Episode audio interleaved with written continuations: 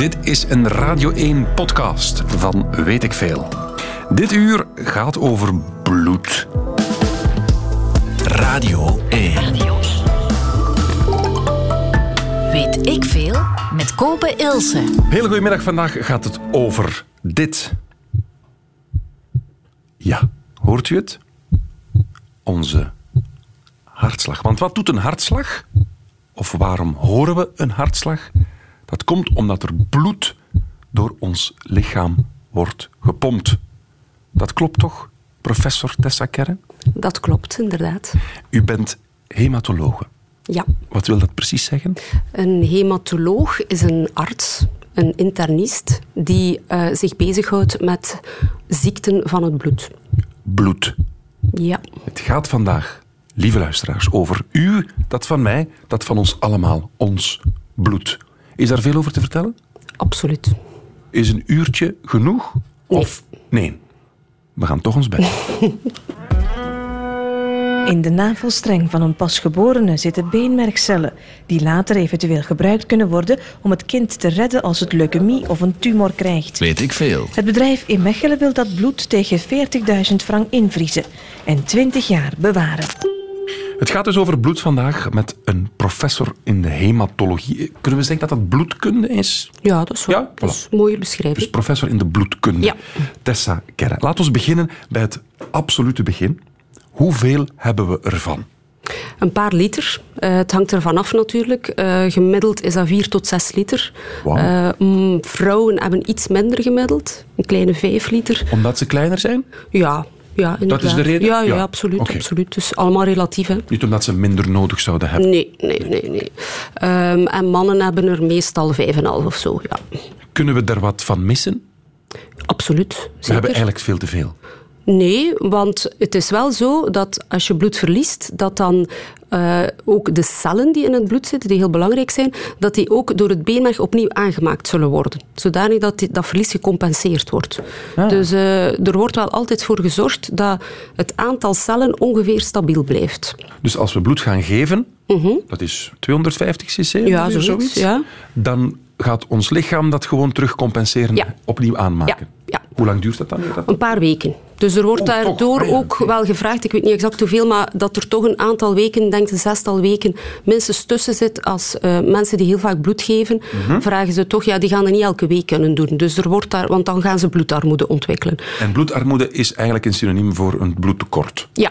Ja, en dat is vooral dan dat tekort aan rode bloedcellen dat je dan voelt doordat je meer moe bent en minder energie hebt, omdat die rode bloedcellen zo belangrijk zijn om je te voorzien van zuurstof. Kan je te veel bloed hebben? Ja, dat kan ook. Is waar? Kan je Ja. 7, 8, 9 liter hebben? Ja. Enfin, liters is dat dan niet. Het is eerder u, de concentratie aan de rode bloedcellen bijvoorbeeld, of witte bloedcellen of bloedplaatjes, maar typische rode bloedcellen die ervoor zorgen dat er de concentratie aan de rode bloedcellen bijvoorbeeld ho- te hoog is, Ja. waardoor dat uw bloed te dik wordt en dan kunnen mensen ja, klonters krijgen. Is dat dan de, de bloeddruk waar we het over hebben? Nee, dat is nog nee, iets anders. Nee, dat is iets totaal anders. De oké. bloeddruk wordt eigenlijk veroorzaakt door het hart dat klopt. Ehm, en eh, dat is de druk die eigenlijk tegen de wand van de bloedvaten gecreëerd wordt door het hart dat klopt en eigenlijk dat bloed stuwt door de bloedvaten. Ah, de pulsbeweging Ja, echt. ja, Want ja. waarom moet dat dan altijd zo afgespannen worden, mijn arm, om dat te meten? Ja, omdat, omdat je op dat moment eigenlijk ja, eh, met de, de meting eigenlijk dichter bij je bloedvaten komt. En ehm, wat je eigenlijk meet met een bloeddruk is twee bloeddrukken eigenlijk. De bloeddruk op het moment dat je hart pompt, dat is de bovendruk, zeggen de mensen dan dikwijls. En de bloeddruk op het moment dat je hart relaxeert. Dus je hart pompt, relaxeert en op het moment dat het zich relaxeert, vult het zich weer met bloed, dat dan weer op het moment dat het pompt wordt uitgestuwd. En op het moment dat het relaxeert, dat is de onderdruk. Professor, gaan we is het lichaam rond. Ja. Dus, we zitten in het hart. Mhm. Dat pompt. Ja. Wat gebeurt er dan met ons bloed? Waar gaat dat eerst naartoe? Goh, dat wordt eigenlijk al heel snel. Dus je hebt eigenlijk het, het, de grote slagader die dus uit het linkerhart vertrekt. Is dat de aorta? Ja, dat is de aorta, dat is de lichaamsslagader. Ehm, en die vertakt zich heel snel in verschillende iets minder grote bloedvaten. En die vertakken zich verder en verder en verder. Dus het is niet dat het zo circuleert, maar het is natuurlijk per orgaan en per richting waar het uitgestuurd wordt, gaat het natuurlijk naar uw verste puntjes, uw extremiteiten noemen wij dat dan. Hè. Dus de vingertoppen en de tenen, hè. die zijn natuurlijk het verst uh, verwijderd van dat centrale hart. Dus hoe Dus- verder dat het verwijderd is, hoe langer dat het duurt. Ja. die worden laatst voorzien. Laatst, ja. ja, ja. En is er een orgaan waar het bloed eerst langs moet passeren? Nee. Na het hart wordt het echt onmiddellijk verspreid over Ja, het hele lichaam. maar op het moment dat het pompt, dus, gaat eigenlijk een eh, stukje uit het grootste deel uit het linkerhart naar het lichaam gestuurd worden. Ja. Maar het gaat ook, en de hersenen natuurlijk, die zitten heel dichtbij. Hè. Ehm, maar er wordt ook een stuk gestuurd naar de longen. Waar dan dat die fameuze rode bloedcellen, die zo belangrijk zijn in ons bloed, eh, eigenlijk zuurstof weer gaan opnemen. Hè. Ah, ja, ja. Dus dat is eigenlijk de circulatie. Dus zuurstofrijk bloed wordt door de, de rode bloedcellen die in het linkerhart zitten, die hebben heel veel zuurstof. Die gaan eigenlijk de over gans het lichaam verspreid worden, daar hun zuurstof gaan afgeven. En die zuurstof wordt dan gebruikt samen met de brandstof, hè, de, dus vooral de suikers, maar ook eiwitten en vetten, worden eigenlijk verbrand tot eh, energie. Hè. Ja. En die energie wordt dan afgegeven in warmte, maar ook afgegeven in gewoon puur energie om al onze organen te laten werken. En een van die afbraakstoffen is dan CO2, hè, die fameuze CO2. Wat we uitademen. Koolstofdioxide, ja, wat we uitademen. En dat wordt dan weer op die rode bloedcellen geladen, die dus net een zuurstof hebben afgegeven. En die keren dan terug naar de longen, waar ze opnieuw, waar de CO2 gaan afgeven. Dat adem je dan uit. En je ademt dan ook weer zuurstof in. En op die manier worden ze dan weer die rode bloedcellen van zuurstof voorzien. Die gaan dan weer naar de linker, want dat was het rechterhart, linkerhart. En daar wordt het dan weer uitgepompt. Oké, en hoe lang duurt het voor die, die ene bloedcel een heel lichaam doorgegaan is? Kan je daar een, een tijdstip op kleven? Ene bloedcel, dat weet ik niet, maar ongeveer één keer per minuut gaat eigenlijk uw, gans uw bloed door uw lichaam, ongeveer. Hè? Dus die Ja. 5,5 liter bij een Ja. man wordt op een Ja. minuut tijd helemaal door je Ja. lichaam gepompt. Ja. Wauw. Wacht, het volgende lied van Bram Vermeulen is het is 3 en 3 minuten en 8. Dus dan is niet al mijn bloed... Nee. Jawel, dan is het drie Ja, keer ja, een paar keer. Ja, ja, ja. Dan is er 15 Ja. liter bloed door mijn hart gegaan. Ja, ja. Tijdens het liedje Bloed van Bram Vermeulen. Dat is toch mooi om te weten voor we daarnaar beginnen luisteren. We zijn vertrokken, hè? En pompen maar.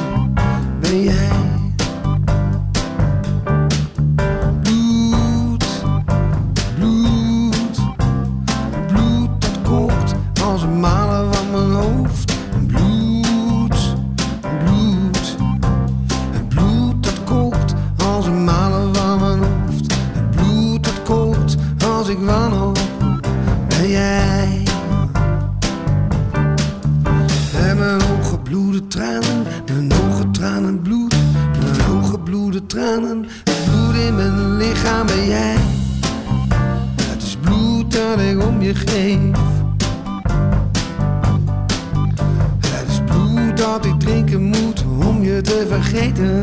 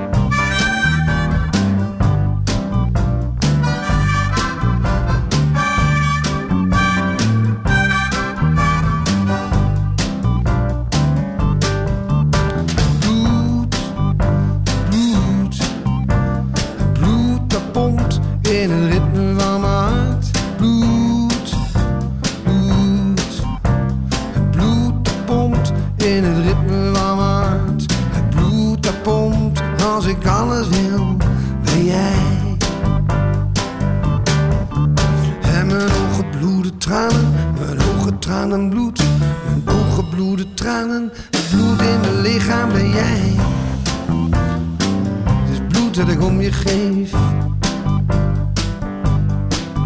Het is bloed dat ik drinken moet om je te vergeten. Voilà, hè. 15 liter bloed is er gepompt de laatste drie minuten tijdens Bram Vermeulen en bloed. U bent huishoudster, geloof ik, hè? Ja, meneer. Volle bloedhuishoudster. Vol bloed huishoudster, ja. U hebt er net bloed gegeven. Ja, Ja. Hoe voelt u zich nu? heel, heel goed. Want ik ben altijd blij dat ik er vanaf ben. En waarom? Ja, ik weet niet, dat verlucht me. Mooi. Terloops en echo zijn toch altijd heerlijke bronnen van jinglemateriaal. Het gaat over bloed vandaag in Weet ik Veel met een professor in de bloedkunde, de hematologie, Tessa Kerre, verbonden aan het UZ in Gent. Ehm, wat hebben we al geleerd? Hoe het rond ons of rond in ons lichaam wordt gepompt. Dat ons bloed ongeveer 5 liter bedraagt in ons lichaam en dat dat op een minuut tijd helemaal rond wordt gepompt. Zover zijn we. Laten we eens kijken naar dat bloed zelf. Dat is een rode vloeistof. Ja, Of is dat enkel rood omdat ik dat zie als het in contact komt met zuurstof? Nee, dat is ook dat al- is altijd rood. Ja, dat is rood. Er is natuurlijk een klein effect ook van het licht erop natuurlijk. Ja, Mhm. want hè, dat, dat bepaalt wel, welke kleur dat iets krijgt. En eh, als het naar, naar de buitenwereld komt natuurlijk, dan eh, heb je die lichtblootstelling meer. Ehm, maar het is rood eh, en dat komt door de rode bloedcellen. Die geven die rode kleur aan bloed. En rode bloedcellen geven heel snel een rode kleur. Dus bijvoorbeeld als iemand een beetje bloed in de urine heeft, een paar rode bloedcellen gaan echt al rode kleur geven. Ah, oké. Dus ehm, nu, als we dan dieper inzoomen op die rode bloedcellen, is het eigenlijk het eiwit, eh, hemoglobine noemt dat. Ja. Ehm, en dat is eigenlijk het eiwit dat, waarvan dat er 400 miljoen molecules in één rode bloedcel zitten, dus dat is gigantisch. Ehm, en dat eiwit, eh, centraal zit daar een ijzeratoom in. Eh, dus ijzer is een heel belangrijke bouwsteen van rode bloedcellen. En aan dat ijzeratoom bindt zuurstof. En het is eigenlijk de combinatie, dus het is die, die, dat ijzer eh, houdend, en vooral het ijzer dan, en effectief de, de reactie tussen ijzer en licht, die ervoor zorgt dat dat die rode kleur heeft. Ah, ja. Dus die rode bloedcellen gaan de zuurstof die wij inademen in ons lichaam Nemen. opnemen eerst Ja, en terug afgeven. En terug afgeven, ja. Ja. Waarom hebben wij die zuurstof nodig? Goh, de zuurstof is eigenlijk ja, een beetje onze, ja, ehm, de- wat dat we nodig hebben om onze brandstof te verbranden. Hè. Ah, ja. Eh, dus de, de, de brandstoffen, dat zijn dan vooral suikers, maar ook eiwitten en vetten, die door die zuurstof eh, en door een aantal hulpmiddelen, die zich trouwens ook in het bloed be- bevinden, een aantal enzymes, een aantal vitamines, ehm, die ehm, als soort katalysator werken voor die verbrandingsreactie. Ja. En het resultaat daarvan is dan energie die vrijkomt. Oké, dus lichaamswarmte, Ja. inspanningen. Warmte. En ook, dat is ook weer iets dat door het bloed dan verspreid wordt, die warmte. Ja, Ehm, Dus als we te weinig rode bloedlichaampjes Mhm. of cellen hebben, dan komt er dus te weinig zuurstof in ons lichaam. ja, absoluut. En dan- En dat voel je. Dat voel je. Eh, dan, hè, mensen met bloedarmoede die voelen zich heel slap, hebben geen energie.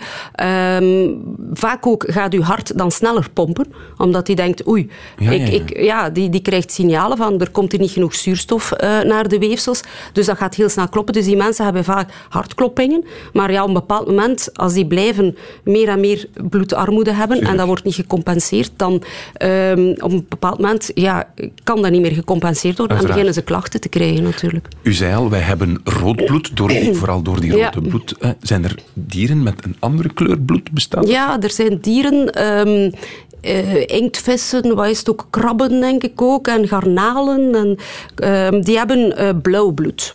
En hoe komt En dat? dat komt omdat zij een ander soort eiwit hebben. eh hemocyanine noemt dat. Ehm, dus dat enerzijds er zijn twee verschillen met hemoglobine. Dus dat is ons eh, zuurstofdragend eiwit. En bij hen is dat... ehm, Zit dat niet in de rode bloedcellen, maar circuleert dat vrij in hun bloed, dat eiwit. En eh, in plaats van een ijzeratoom dat er bij ons in zit, is dat bij hen koper. En je kunt je al voor koper, hè, dat is zo'n beetje een blauwe, zeker als het geoxideerd is, Ah, als er met zuurstof ook in contact komt, Sorry, eh, heeft dat een blauwe schijn. En dat is de reden dat... eh, nu, er zijn ook sommige mensen die blauw bloed hebben. Hè. Niet, ik koning. bedoel, ja, ja, ja, maar letterlijk, letterlijk. eh, er is een bepaalde afwijking. ehm, dat, we hebben allemaal een beetje van dat eh, eiwit, met hemoglobine noemt dat. En dat is eigenlijk een eiwit dat eh, een, een licht ander ijzeratoom heeft, dat veel minder gemakkelijk zuurstof bindt dan het klassieke hemoglobine.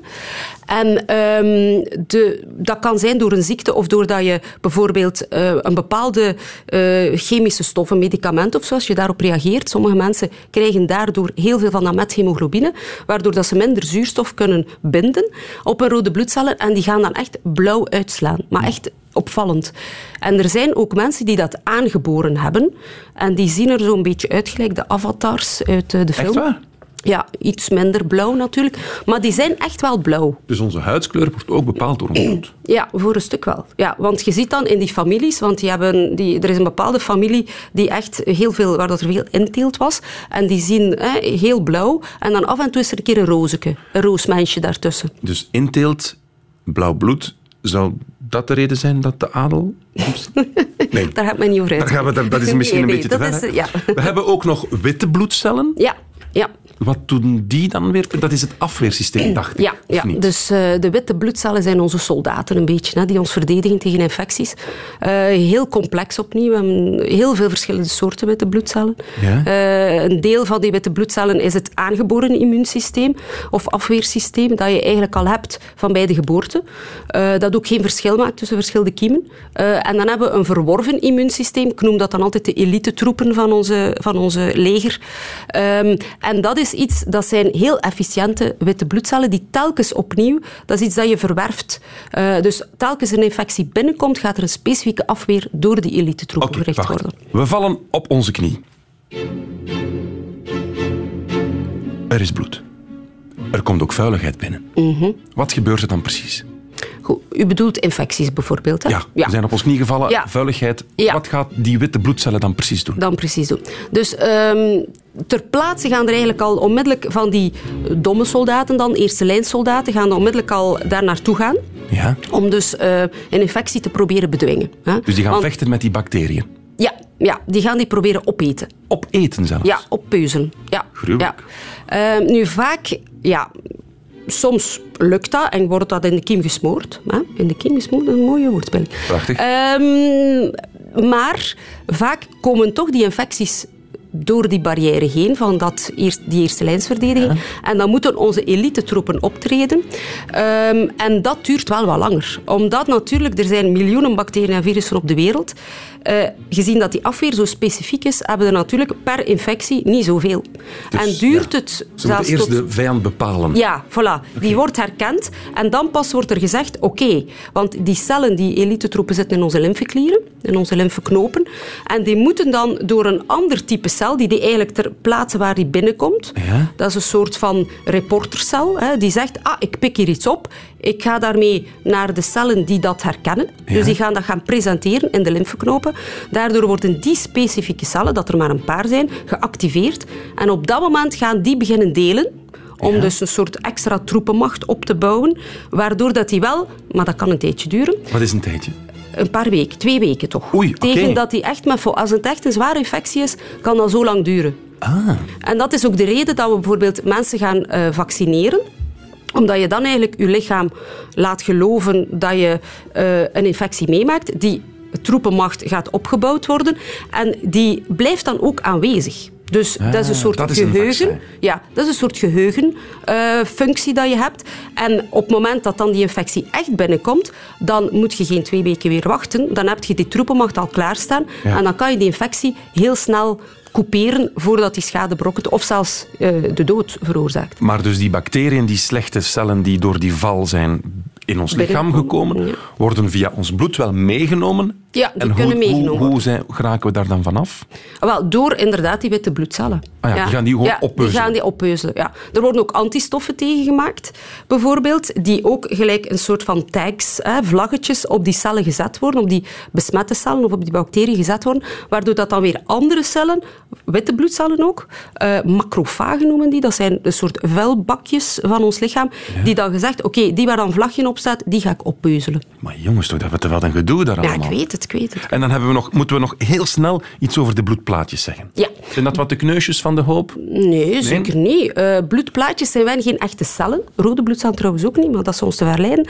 Maar ehm, dat zijn eigenlijk kleine brokjes die van een hele grote, dikke, vette voorlopercel worden afgescheurd. Kleverige stukjes. En die worden eigenlijk geactiveerd op het moment dat je je kwetst. Dus als je op je knie valt en je hebt een wonde, is er dus ergens een bloedvatwand gekwetst. Op dat moment- komen er stoffen vrij en die gaan er eigenlijk voor zorgen dat die bloedplaatjes geactiveerd worden, heel kleverig gaan worden en ook een product gaan maken dat ook weer eiwitten die in je bloed zitten gaan activeren als een soort domino-effect. Ja. En het eindproduct is dan fibrine, een soort draden van bindweefsel die in een klontertje gaan vormen Het korstje. het korstje. En dat is eigenlijk zo'n fibrineklonter met allemaal plakkerige bloedcelletjes, eh, bloedplaatjes daarin geklit. Ja. En dat is een stevige klonter. Is het oké om een korstje te, af te krabben? Het is oké, maar je mag het niet te vroeg doen. Het is een En eigenlijk is het nog meer, nog beter om dat korstje gewoon te laten afvallen als je geen littekens wilt hebben. Maar niks dat zoveel... Ja, ik weet het. Deugd kan. Ja, ik weet het. Maar niet doen. Eh, Ja, of tenzij dat je een eeuwige herinnering wilt aan een bepaalde val, dan moet je het vooral doen. Ja, maar anders niet. Anders niet. Weet ik veel? Zigeuners huwen ook. Het gaat alleen een beetje anders. Het duurt dagen en voor de eigenlijke plechtigheid wordt er al duchtig toegetast. Weet ik veel. Op de mistige Heizelvlakte huwden Nana Chardas, 19, En Jean Modeste, 18, kleinzoon van Weile, een zigeunerkoning. De geliefden legden zout op elkaars knie en vermengden elkaars bloed. Zo huwen zigeuners. Een beetje anders. Ja, bloed, het is iets dat in alle ja, verhalen wel eens terugkomt. Bloed, wat hebben we al geleerd? Blauw bloed en, en, en bloedbanden, van dat soort dingen. En toch is het ook voor mezelf, eerlijk gezegd, iets mysterieus. Eigenlijk, het, het houdt ons in leven en toch weten we er heel weinig over. Hoe komt dat? Ja, het is inderdaad een beetje mysterieus en het is ook vrij complex, denk Het ik. is, ja. Want als ik, ik heb overlaatst mijn bloed moeten laten testen. En dan zie je daar een lijst. Maar jongens, wat je allemaal kan aanduiden, ja. dat is onwaarschijnlijk. Dus de informatie die in ons bloed zit, dat is eindeloos, of Ja. niet? Ja, absoluut. Ja, ja, ja. En, en er komen elke jaar, elke, elke maand, elke dag nieuwe testen bij. Hè. Zoals, Ehm, wat, wat, wat is er nu het nieuwste? Het neusje van de zalm. Het neusje van de zalm. Goh, ik, ja, ik weet natuurlijk niet over alle. Ik denk in elk domein dat wel zijn neusje van de zalm zal hebben. Ehm, ik, ik denk dat op dit moment eh, het genetisch onderzoek eigenlijk hetgeen is waar we het meest van verwachten. Eh, maar dat ook gigantisch veel informatie geeft natuurlijk. Want in elke cel zit dan nog een keer, hè, zitten al uw genen die... Allee, die informatie, dat is gewoon, dat is zijn bergen. Wacht, hè. dus in elke bloedcel Ja, of in elke andere cel ook. zit... Ja. Ah ja, oké. Dus in elke cel, behalve dus in een rode bloedcel, daar zit geen kern in. Ah, Dus een rode bloedcel, vandaar dat ik zeg, het is eigenlijk geen echte cel, want die heeft geen kern. Ehm, dus die, die heeft geen genetisch materiaal, die stuurt zijn kern uit eh, net voordat hij rijp is. Dus dat wordt een soort donut, omdat centraal die kern weg is. Ja. Maar een witte Ehm, bloedcel heeft heel ons ja. genoom ook. Absoluut, ja. ja. Net als de meeste andere cellen in ons lichaam. Eh, daar zijn een aantal genen aan en afgezet die specifiek zijn voor die bepaalde cel. Maar de basis is wel overal hetzelfde. Dus heb ik een druppel bloed van iemand, dan weet ik eigenlijk Mhm. Wie het alles. is. Ja, alles, ja. Het karakter niet. Nee, dat Maar, niet. hè, nee, Opvliegendheid zit niet in het bloed. voor zover dat, dat we dat kunnen meten, denk ik Nee. niet. Nee. Er zijn wel waarschijnlijk bepaalde genen die de kans op opvliegendheid en hè, bepaalde karaktertrekken wel zullen verhogen. Maar dat echt meten, ja, dat wordt natuurlijk ook bepaald door ja, hoe dat je grootgebracht Tuurlijk, bent ik en wat dat je hebt weten- meegemaakt en zo. Je kan wel weten, aan de hand van één druppel bloed, die man heeft blond haar, die vrouw heeft blauwe ogen. Daar die heel dingen- veel informatie kunnen uithalen, Waanzin, absoluut. toch? En ook bepaalde aanleg om iets te ontwikkelen. Hè. En dat is denk ik de grote uitdaging dat we nu hebben, doordat we zoveel informatie hebben. Voor minder dan 1000 euro kan je eigenlijk het genetisch materiaal laten screenen. Hè. Ehm, nu, wij doen dat vaak omdat dat goedkoper is dan een, eh, vanaf een aantal genen. Als je een aantal genen echt wil onderzoeken, dan wordt dat duurder dan gewoon van de eerste keer alles te onderzoeken. Oké. Dus we doen dat heel vaak om specifieke dingen te onderzoeken. Maar ja, ehm, per toeval kan je dan op iets uitkomen. We gaan daar niet naar zoeken, maar per toeval kan je op iets uitkomen. Een bepaald gen dat, waarin een mutatie zit, een, een wijziging zit, een, een, een probleem zit, waardoor dat die persoon een verhoogd risico is, op bijvoorbeeld op Alzheimer of op bepaalde kankers enzovoort. Wil, er- wil iemand dat weten? Dus stel, ik laat vandaag dat doen, die duizend Mhm. euro, ik leg die op tafel, dan kan u zeggen, binnen 30 jaar, Kobe Ilse, ga jij balkanker krijgen. Ik ga dat niet met zekerheid kunnen voorspellen, maar het zou kunnen zijn dat je een bepaalde mutatie hebt waarvan dat gekend is, dat je daardoor een verhoogd risico hebt om iets te ontwikkelen. En die informatie Dus dat is zit allemaal- nu al in mijn bloed. Dat kan, ja. ja, ja. En los van het genetische, kan je ook op basis van stoffen aanwezig in mijn bloed al zeggen, binnen zoveel jaar ga je die ziekte ontwikkelen? Je kunt niet, uiteraard niet alles voorspellen. Hè. Het is een bepaalde aanleg, een verhoogd risico. Hè. Dus dat is meestal het probleem. Nu, van bepaalde dingen weten we het wel zeker. Hè. Dus bepaalde genen, dus we hebben bijvoorbeeld hè, eh, mensen die drager zijn van een bepaalde ehm, ja, genetische afwijking. Ehm, als die bijvoorbeeld eh, een partner toevallig tegenkomen die drager is van diezelfde genetische afwijking, als die twee samenkomen, dan kan dat kind en, die, en dat is soms hè, een dodelijke afwijking hebben. Dat is inderdaad een slecht lot dan uit de loterij dat je trekt. Ehm, en dus als je die voor een volgend kind dan, kan je die gaan testen. Hè, en kan je eigenlijk, of een, een, een, eigenlijk op embryonaal niveau al gaan kijken, een kind maken, een designer baby noemen we dat dan, waardo- om er zeker van te zijn dat het volgend kind niet drager is van die bepaalde afwijking. En kan ik mijn bloed niet aanpassen dan? Stel nu, ik heb een bepaald probleem Mhm. dat op, zich op termijn gaat stellen. Kunnen we dan geen wijzigingen aan mijn bloed aanbrengen, waardoor dat probleem zichzelf oplost? Voor bepaalde, eh, dat is uiteraard zeker niet voor alles al. Een soort voor, automedicatie, zou dat kunnen? Er bestaan gentherapieën om bepaalde zeer specifieke afwijkingen in het genetisch materiaal te herstellen. Dus dat is met een soort knip-en-plak-methode die nu ook heel, heel hot is, eh, waarbij je eigenlijk het defecte gen gaat uitknippen en er dan het goede gen gaat inplakken. Dus echt knip en plakken. Eh, dus dat, Copy-paste. Copy-paste, absoluut. cut-paste, ja. Cut-paste, ja, cut-paste. En ehm, nu, ja, dat is zeker nog niet... Hè, dat is maar voor een heel klein aantal dingen dat dat nu onderzocht wordt.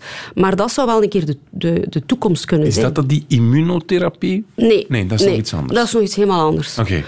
Ja. Moeten we daaraan beginnen? Ja, ik wil u daar zeker aan beginnen. Nee, nee, nee, nee, nee, maar het is, het is iets helemaal anders. Nee, nee, ik zucht daar niet, want immunotherapie is mijn ding. Dus ik zucht helemaal niet. Dan gaan we daar straks over. Nog even Ja. terug naar de basis, want het gaat Ja. over bloed vandaag. Ja. Eh, nog heel simpel, er zijn groepen. Hè? Ik Ja. weet niet goed hoe het zit. O, AB, AB, A, A, B, en ja. dan nog positief en negatief. Negatief, hoe ja. zit dat nu Ja. eigenlijk? Dus dat is eigenlijk, uw bloedgroep wordt bepaald door suikers en eiwitten die op het oppervlak van uw rode bloedcel zitten. Dus eh, je hebt, eh laten we beginnen met de ABO, hè, de basis. Dat, is, eh, dat zijn suikers. Je hebt A-suikers en B-suikers. Dus iemand die A-suikers heeft op zijn rode bloedcellen, dat is, die heeft bloedgroep A. Iemand die B heeft, heeft B. Iemand die en A en B-suikers heeft, heeft AB. En iemand die niets heeft, dus die naakt zijn op het vlak van die suikergroepen, die heeft O. Ah, oké. Nu het, Ja, ja? ik begin het te snappen. Daarom Ja? dat O dus kan geven aan... Ja, voilà. Voilà. Ja, ja, ja, oké. Dus die suikers die kunnen herkend worden door het immuunsysteem. Als je die zelf niet hebt, is dat voor u iets vreemds. En dan kan je daar antistoffen tegen ontwikkelen. Dus iemand die zelf O is, die kent geen A, die kent geen B. En er kunnen natuurlijk, op natuurlijke wijze antistoffen eh, ontwikkeld worden tegen die A en die B. Dus als je aan iemand die O heeft een A een transfusie zou geven van een A-positieve of negatieve donor, dan gaat hij dus die A herkennen, kunnen er antistoffen op binden en gaan die cellen kapot gemaakt worden, wat dus een heel ernstige transfusiereactie, Ah, dus noemen we dat dan.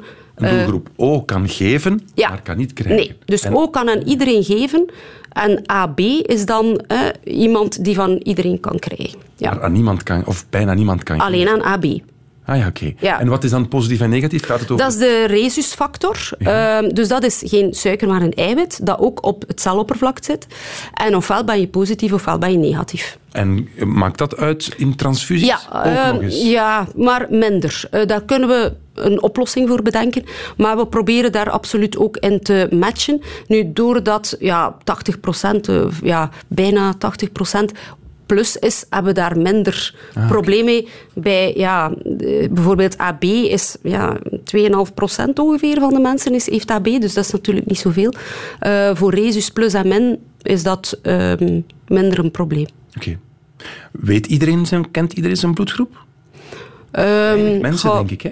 Ja, dat wordt het, ja, normaal gezien. Kan je dat bepalen? Is er bij de apotheek een simpel testje te Nee, vinden? dat is echt wel met een, een bloedtest. Dat moet dat, moet gebeuren. Dus ja. als iemand binnenkrijgt en jullie vinden geen kaartje in, Nee. een, in een portefeuille, dan- Sowieso, ook al vinden we een kaartje, we gaan altijd opnieuw testen. De eerste keer, twee keer zelfs. en als het acuut is, gaan jullie gewoon O geven. Ja, voilà. Sowieso. Ja, ja, ja.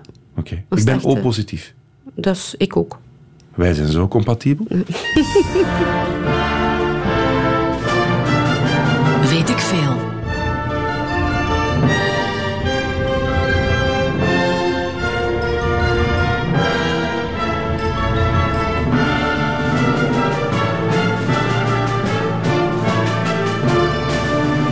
Het ging daarnet over bloedgroepen. Wat blijkt, dat wordt toch genetisch bepaald. Dus Ja. De ouders bepalen... Of, Welke bloedgroep je hebt, ja. En ehm, nu werd er een vraag gesteld. dus, vertel, professor. Je hebt ooit een vraag gekregen. Ja, ik kreeg ooit een vraag van iemand die ehm, ja, zelf zo daar wat had over gelezen.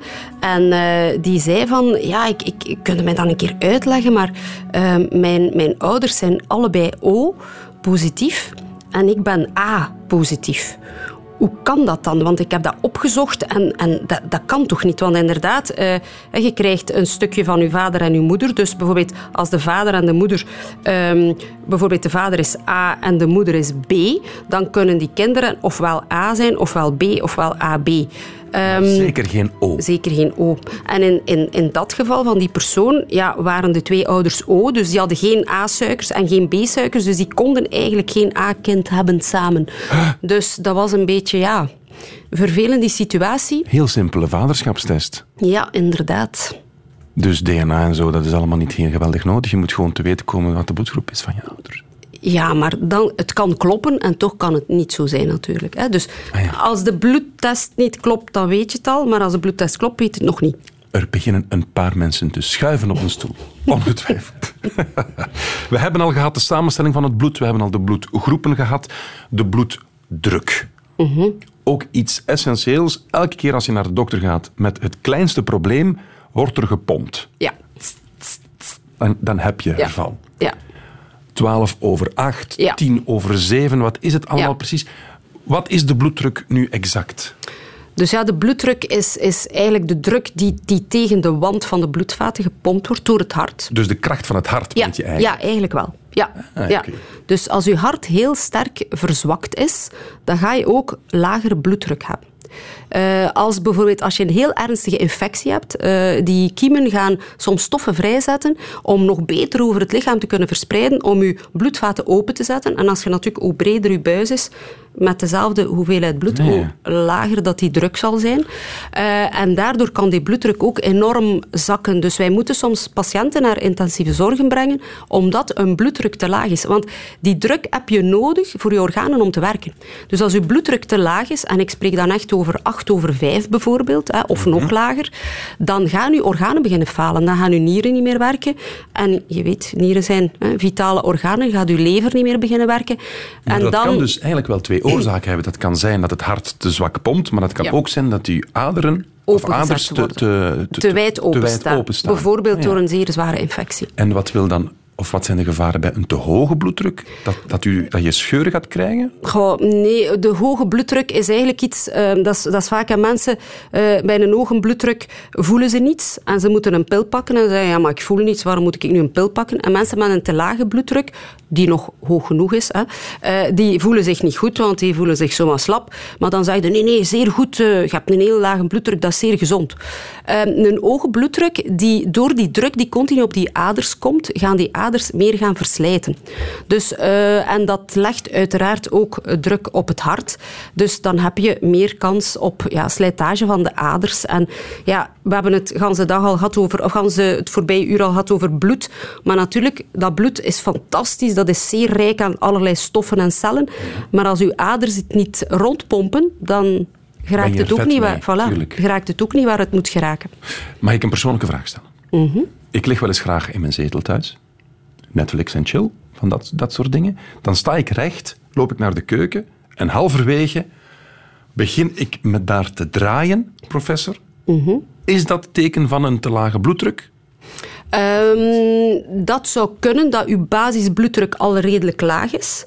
Ehm, en het is natuurlijk wel zo dat op het moment dat je uiteraard van liggende positie naar zittende positie gaat, dat die druksystemen, dat dat helemaal uw systeem moet ja, in gang gezet worden om die druk op peil te houden. Want natuurlijk zakt dat normaal gezien als een kaartneusje in elkaar. Dus als ik lange En- tijd op mijn rug lig, dan Ja. is er meer bloed aan de achterzijde van mijn lichaam? Moet ik het, moet ik het dan zo zeggen? Ja, nee, maar natuurlijk, door, als je je gewoon recht zet, dan de zwaartekracht is hè, onverbiddelijk, eh, dat zakt naar beneden. Dus om dat bloed overal, oei, overal op dezelfde, met dezelfde druk te houden, heb je systemen nodig. Dus dat is een gans, ja, dat, dat- dan kan ik nog een drie uur over vertellen.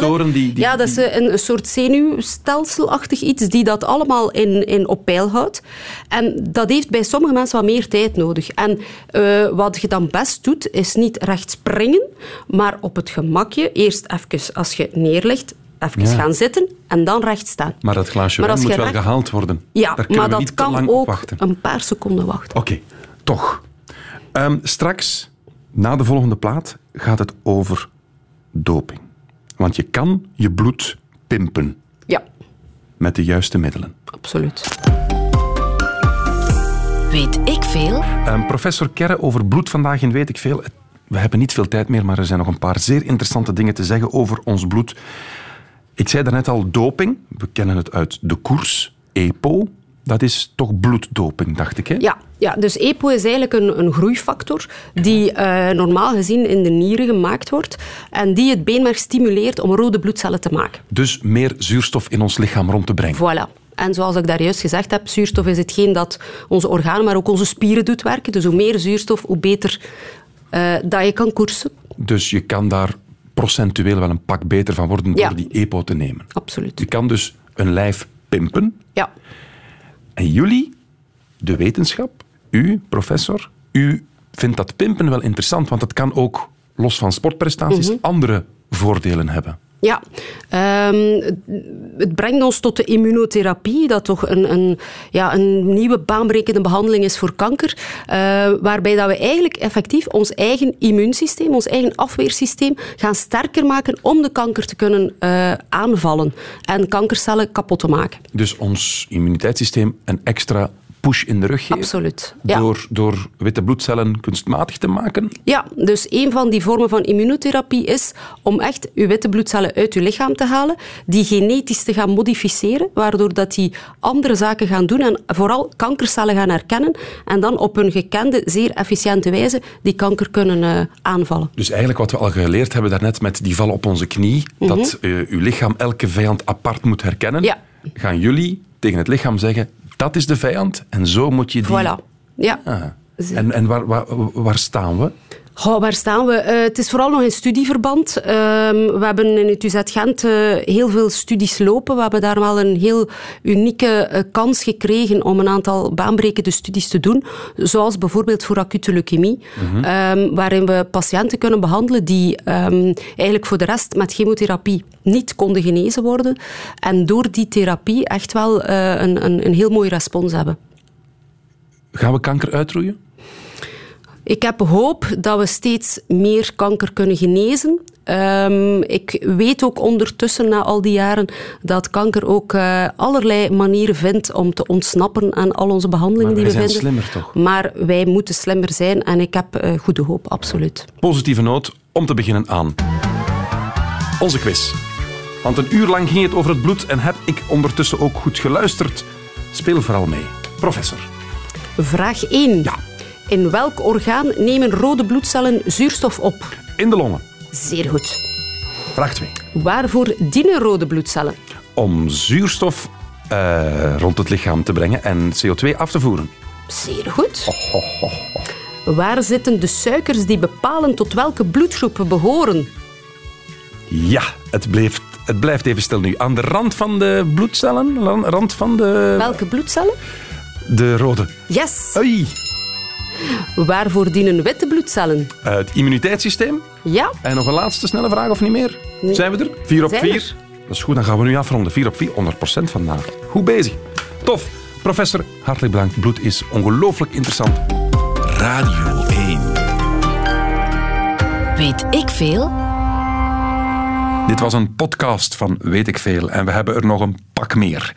In de zomervakantie kan je Weet ik Veel ook op de radio beluisteren. Elke weekdag tussen 12 en 1 op Radio 1 natuurlijk.